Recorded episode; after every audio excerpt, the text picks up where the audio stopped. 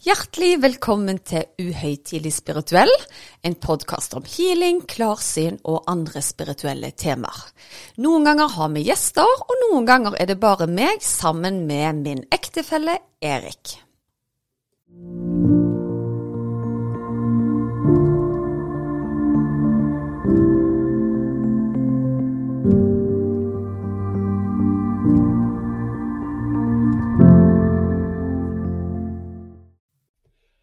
Du Susanne, jeg har alltid sagt at du skal skrive en bok, for jeg syns at det du driver med er så vanvittig spennende. Uh, men du har alltid ment noe annet. Hva tenker du? Jeg er vel veldig flink på å sette meg mål om ting jeg skal gjøre. Også når jeg først har kommet til å skal gjøre det, så tar det litt for lang tid. Og så har jeg veldig mye på hjertet veldig fort, så jeg liker jo mer å prate enn å skrive, for å si det sånn. Ja, og Det som jeg egentlig ser, det er at vi er ganske forskjellige. Jeg skal ha alt scripta, og Erik sier det, Susanne sier det. Du tar det litt uh...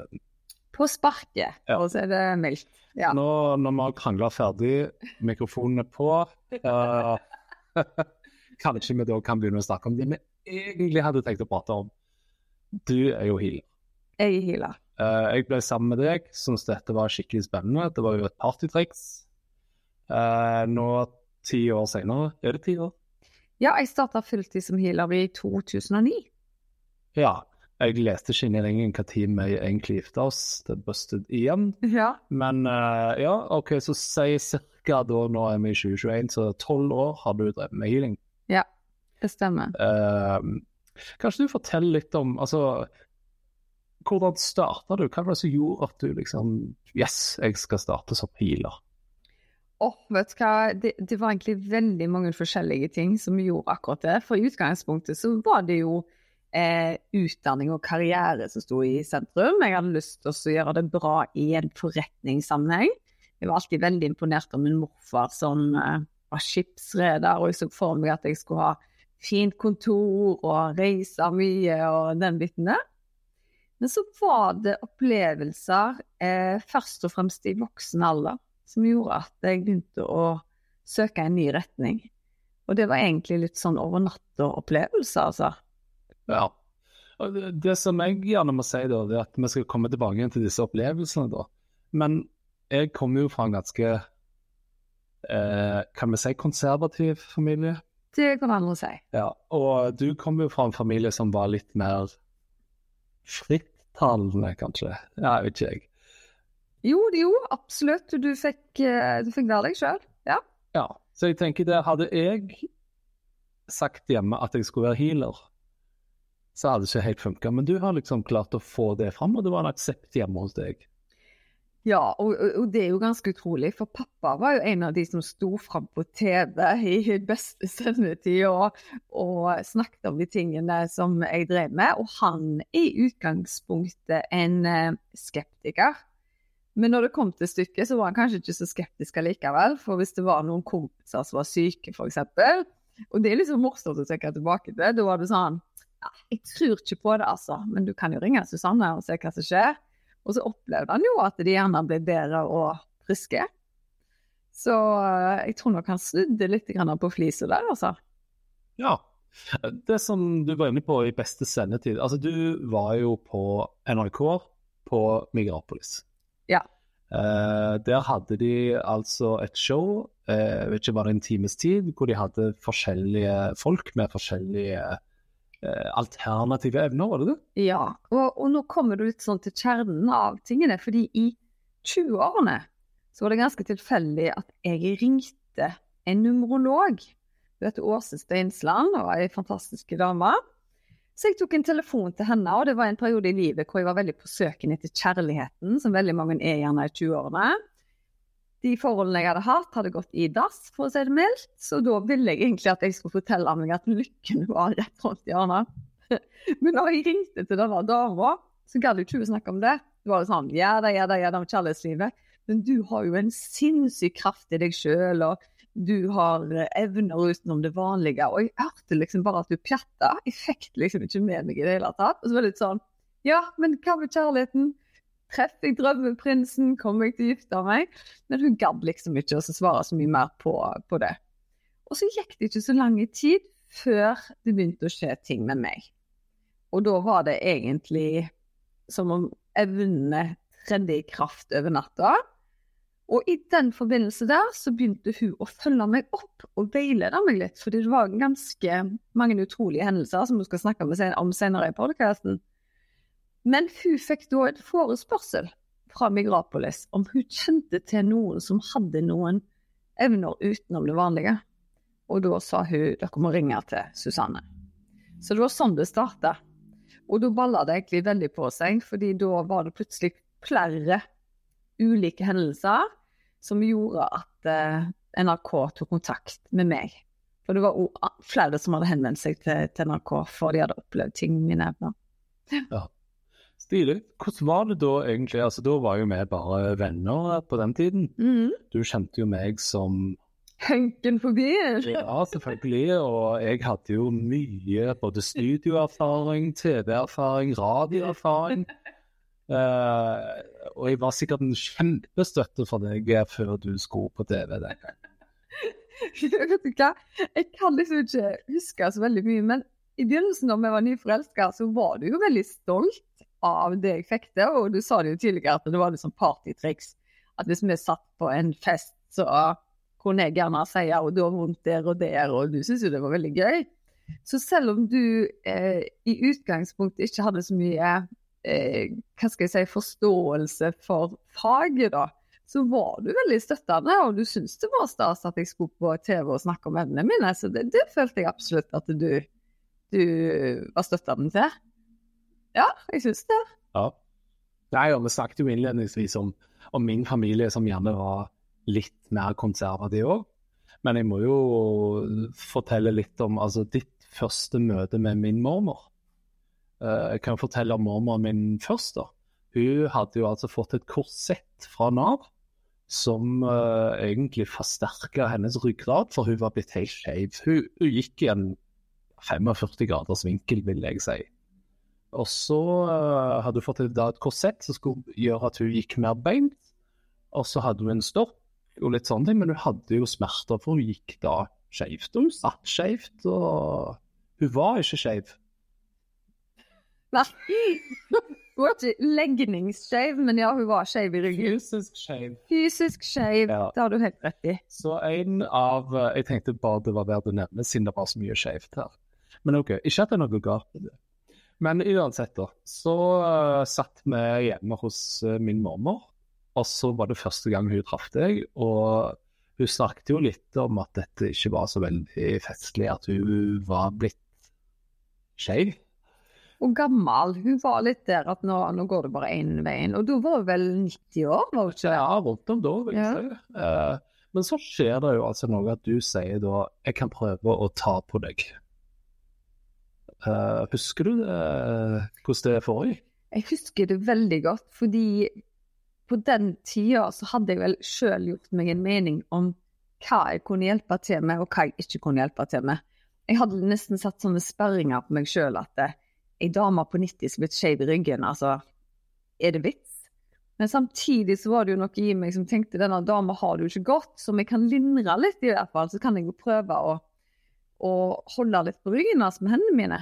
Og så husker jeg godt at det begynte å brenne i det vi satt og drakk kaffe der. Og da er det akkurat som at det, hendene mine blir glovarme, og så begynner jeg akkurat å pulsere i dem, og da får jeg en litt sånn trang til å gjerne spørre skal jeg hjelpe deg. Og hun, jeg husker veldig godt at hun sa jeg kan skjønne det, hvis du kan hjelpe meg litt, så er det jo fantastisk. Så det gjorde jeg. Så jeg husker veldig godt det, Erik. Ja. Nå nevnte du at vi satt og drakk kaffe, og jeg må jo bare si at jeg har jo hørt flere si «Åh, du holder hendene på kaffekoppen, og så er det varme. Men, men dette er en litt annen varme, er det ikke? Jo, eh, du klarer ikke å transformere varme fra en kaffekopp til et eh, menneske. Da må, du, da, du være god for å se det sånn og varme hendene dine. Eh, Dette er en dyptgående varme som varer over tid, altså. Så det er ikke sånn ti sekunder ifra hvis du varmer deg under springen, så kan du springe og ta opp noen. Det er ikke sånn det fungerer. Og de som har kjent på en måte den varmestrømningen, de mener jo at det er en kraft som ikke er helt forklarbar. Men eh, Du husker kanskje hvordan mormor reagerte? Ja, altså hun satt jo på stolen ved siden av meg, og jeg husker at hun sa hun kjente varmen. Og uh, du holdt jo ikke på ryggen hennes, du holdt jo på låret og armen, mener jeg å huske. Uh, og hun, hun var jo skeiv da i den stolen. Og så satt vi vel der gjerne en halvtimes tid etterpå, noe sånt. Og når hun da skulle følge oss ut, og vi takket for oss, så husker jeg jo at hun nærmest gjorde et lite hopp. Og sa se på meg, jeg er helt, jeg er helt rett opp. Og da, etter den dagen, så var jo ikke mormor skeiv i ryggen lenger. Nei, og det er en av de opplevelsene jeg husker veldig godt. Og selvfølgelig så er det noe med det at for hun var din mormor, for det første. Det var jo veldig stas å, å hjelpe henne. Men da skjønte jeg jo òg at uh, innen healingkraften så er det jo ingen begrensninger. Det er ikke min hva skal jeg si, ja, eh, det er ikke min vilje som styrer dette her, eller mitt ønske om at uh, hun skal uh, bli bra, men det er jo kraften langt utover det som faktisk bestemmer hvem som skal bli bedre, da. Og jeg tror jo egentlig at healing har mye med kroppen til den som blir heala å gjøre. At du sender en kraft, og så er det kroppen sjøl som setter i gang et sånn selvhelbredelsessystem, da. Eh, og det er tydeligvis ikke aldersbetinget. Og det lærte jeg da. At fra nå av så skal jeg ikke sette på en måte en sånn demper for meg sjøl at det kan jeg gjøre noe med, og det kan jeg ikke gjøre noe med. Selv om det er veldig eh, fristende gjerne for å beskytte en sjøl, da. Um, men eh, erfaringsmessig så er det faktisk babyer og barn som du ofte får den der umiddelbare healing-effekten kjappere med enn voksne og eldre. Men det er selvfølgelig unntak av regelen. Ja. ja. Det jeg må si, som jeg gjerne lærte mye av både deg, som skulle forme oss som par etterpå, da, men òg egentlig av verden, da, det er jo at du kommer jo inn med et veldig abstrakt produkt, da, for å mm. kalle det det.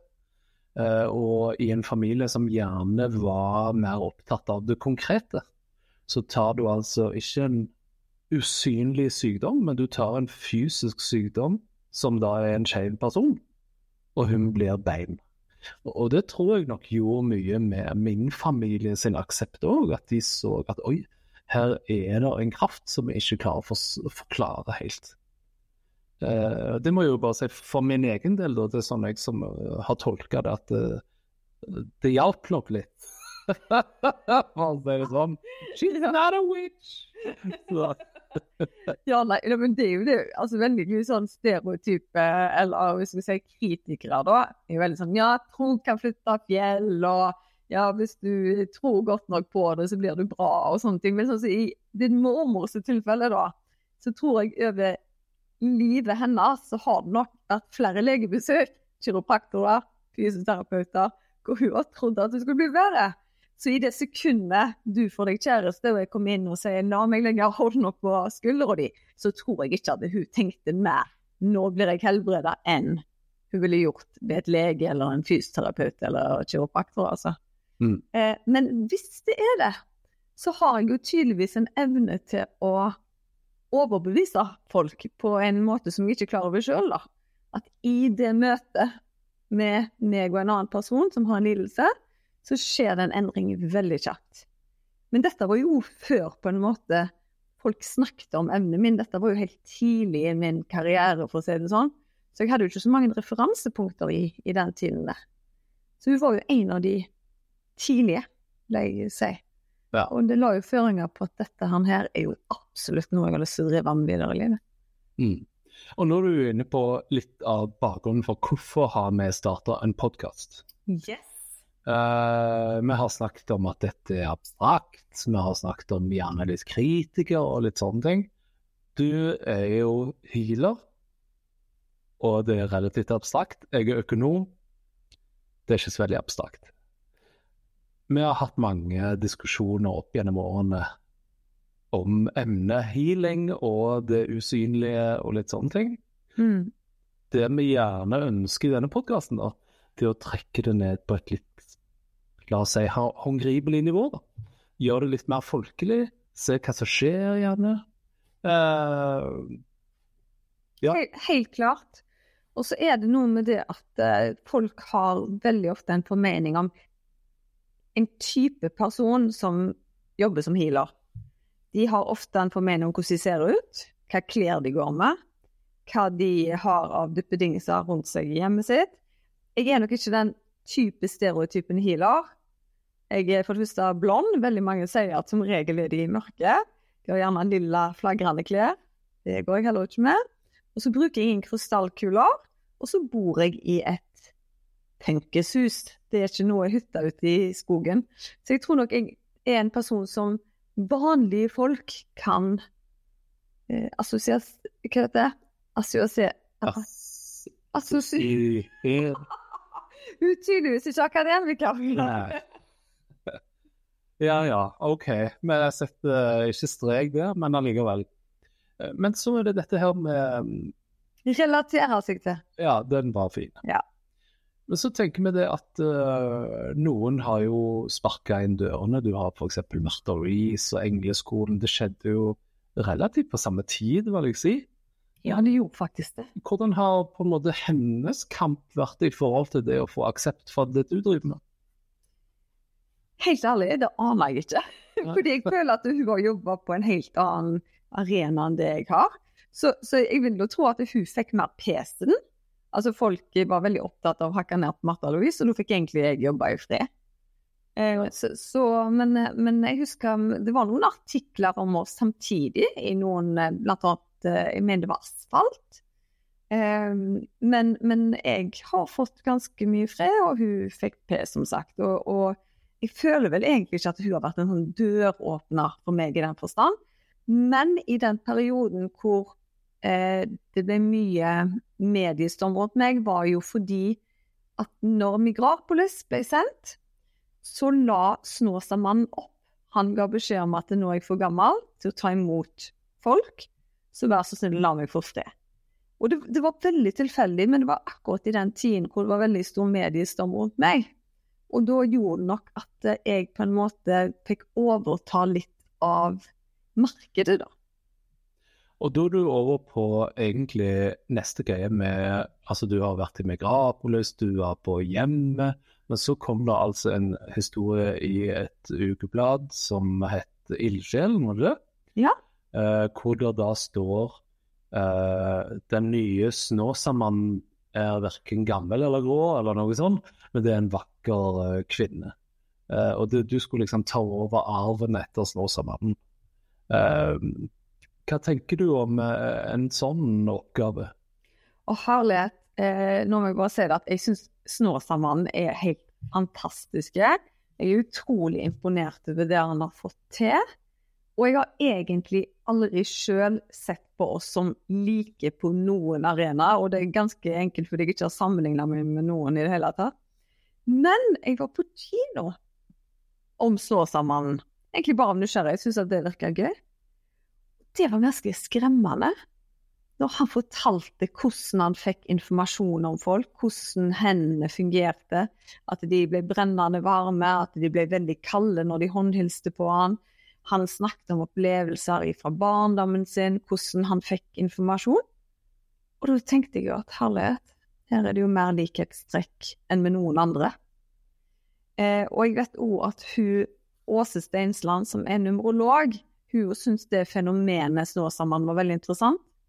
Så hun sammenligna mine tall, dvs. Si at alle har på en måte et horoskop da, innen tall, dette er numerologi.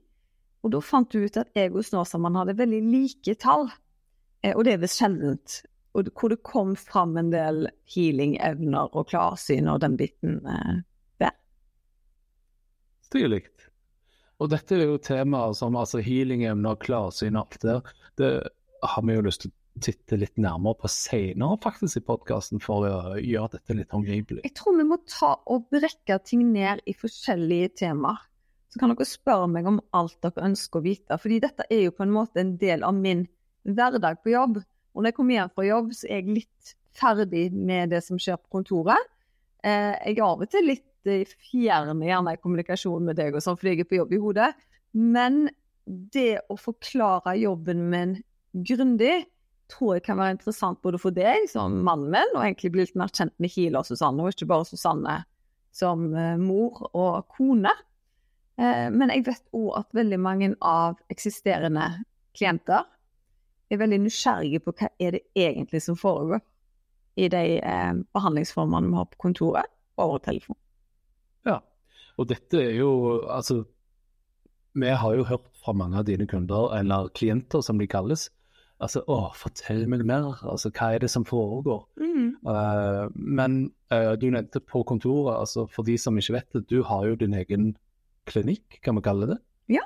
Uh, og tar imot pasienter, eller klienter som det heter, jeg må lære meg det. Mm. Og uh, etter du hadde vært i Megapolis og uh, forskjellige medier, så kom det altså en relativt lang vent- venteliste, gjorde det ikke? Jo. Eh, I løpet av ei uke, og da jobba jeg fremdeles i oljebransjen, det er noe vi kan komme tilbake til senere, hvordan overgangen fra oljebransjen til healing ble. Men da hadde jeg 3000 på ventelista etter ei uke.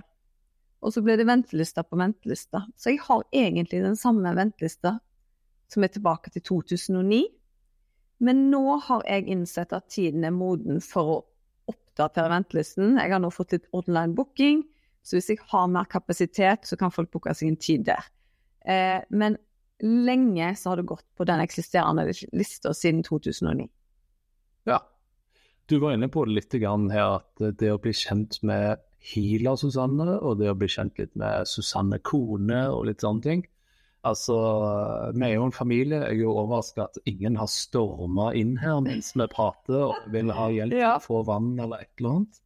Butler.com. Ja, og du hører jo det ringer jo mobiler i ett sett, og du vet jo aldri hva som skjer. Så um, det å sjonglere, det å være healer, mor, kone, familie, det er jo kanskje gjerne noe med touchet innpå underveis. Selvfølgelig. Og så er jo du en veldig åpen mann til å være siviløkonom, vil jeg si. Og det jeg liker ekstremt med deg, og det har jeg alltid gjort, det er det at du respekterer andre sine synspunkter. Så selv om du ikke har det fulle bildet eller fulle forståelsen, så er du veldig åpen og stiller spørsmål. Uten å virke dømmende eller 'det var rart' eller Men du er veldig flink på oppfølgingsspørsmål. Så jeg tenkte det var helt genialt at du kunne, kunne ta denne podkasten sammen med meg og egentlig gjorde det litt. Ja, så flott. Og med den tunge medieerfaringen jeg har, så er dette fryktelig naturlig. for meg. Okay, du, du, du må bare si det, Erik. Nå, nå har du hinta tre ganger i løpet av uh, denne podkasten om hvor er det folk har sett deg på TV? Ja, ja, det var ikke Paradise Hotel. Men før den tid så var det altså Singel i byen, het det. Så jeg tror det er et av de minst sette TV-programmene på TV3. Heldigvis for meg, for da fant ikke du kjærligheten, men du fant meg rett etterpå. Ja. Jeg hadde truffet deg før, og jeg visste jo at Ja. mest sannsynlig oss, da, men Du jobbet jo i Radio 1, og jeg skulle på intervju i Radio 1 og promotere programmet. Så sånn sett traff vi jo hverandre der. vi traff blink. Ja, så det var jo gøy. Du gjorde det. Så yes. Uh, vi mm, kommer jo til å dra i gang en del temaer i denne podkasten. nå har vi skrapt litt på overflaten, og jeg tenker det er fryktelig mye egentlig å fordype seg i, for det at det ene spinner litt av det andre. Uh, det er noen som gjerne syns at dette er litt skummelt. Andre mener at tro kan flytte fjell. Uh, men det jeg syns er veldig fint, altså du nevnte dette her med bakgrunnen vår, at jeg er siviløkonom, gjerne litt kritisk og sånne ting. Men det som vi har gjerne blitt enige om, da, oss to imellom, som har diskutert litt, er jo at dette er jo gjerne vår sannhet.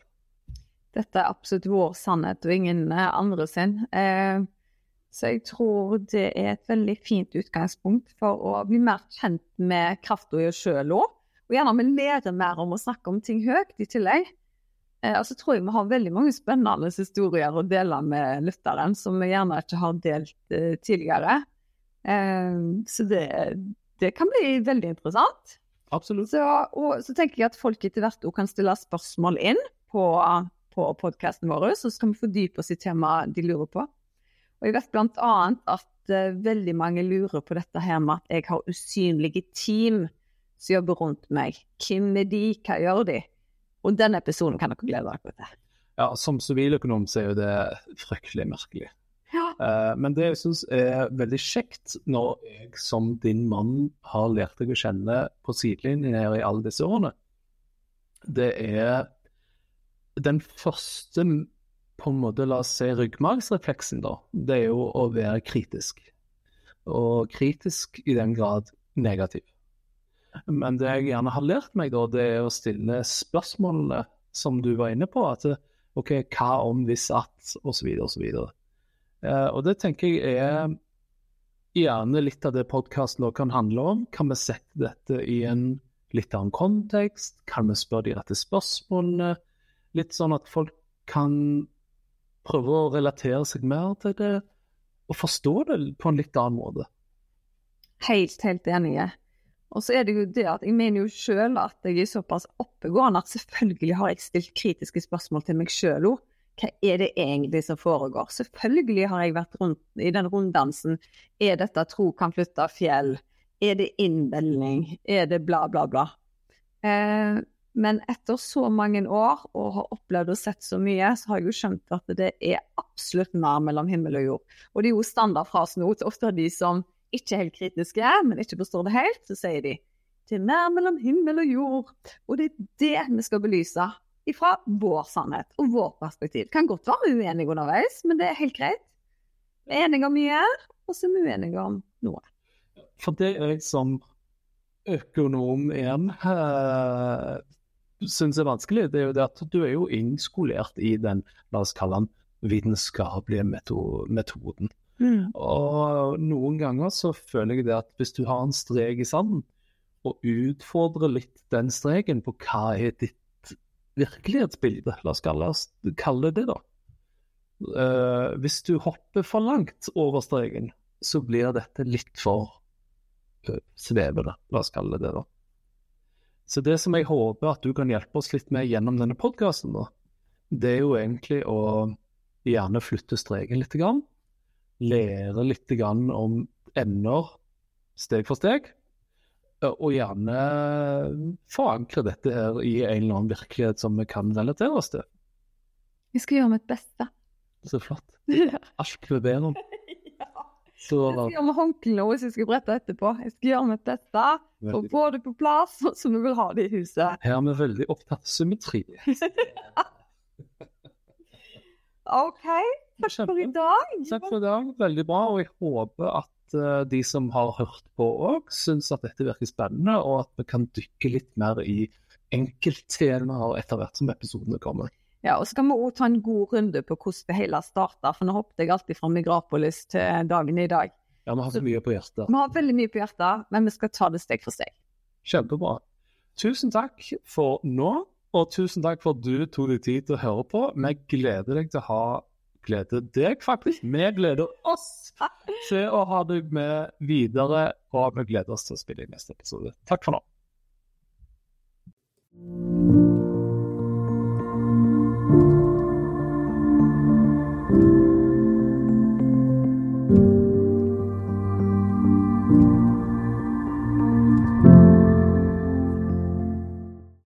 Visste du at du kunne ta kontakt med meg hvis du ønsker å få satt opp en personlig healingplan? Da er det bare å kontakte meg via Instagram eller på e-post, så gjør jeg det helt kostnadsfritt. Da er det mye lettere å vite hvilken healing du skal velge, til hva tid du skal bruke den, for hvor mange uker du bør benytte deg av deg. Gå inn på healersusanne.com.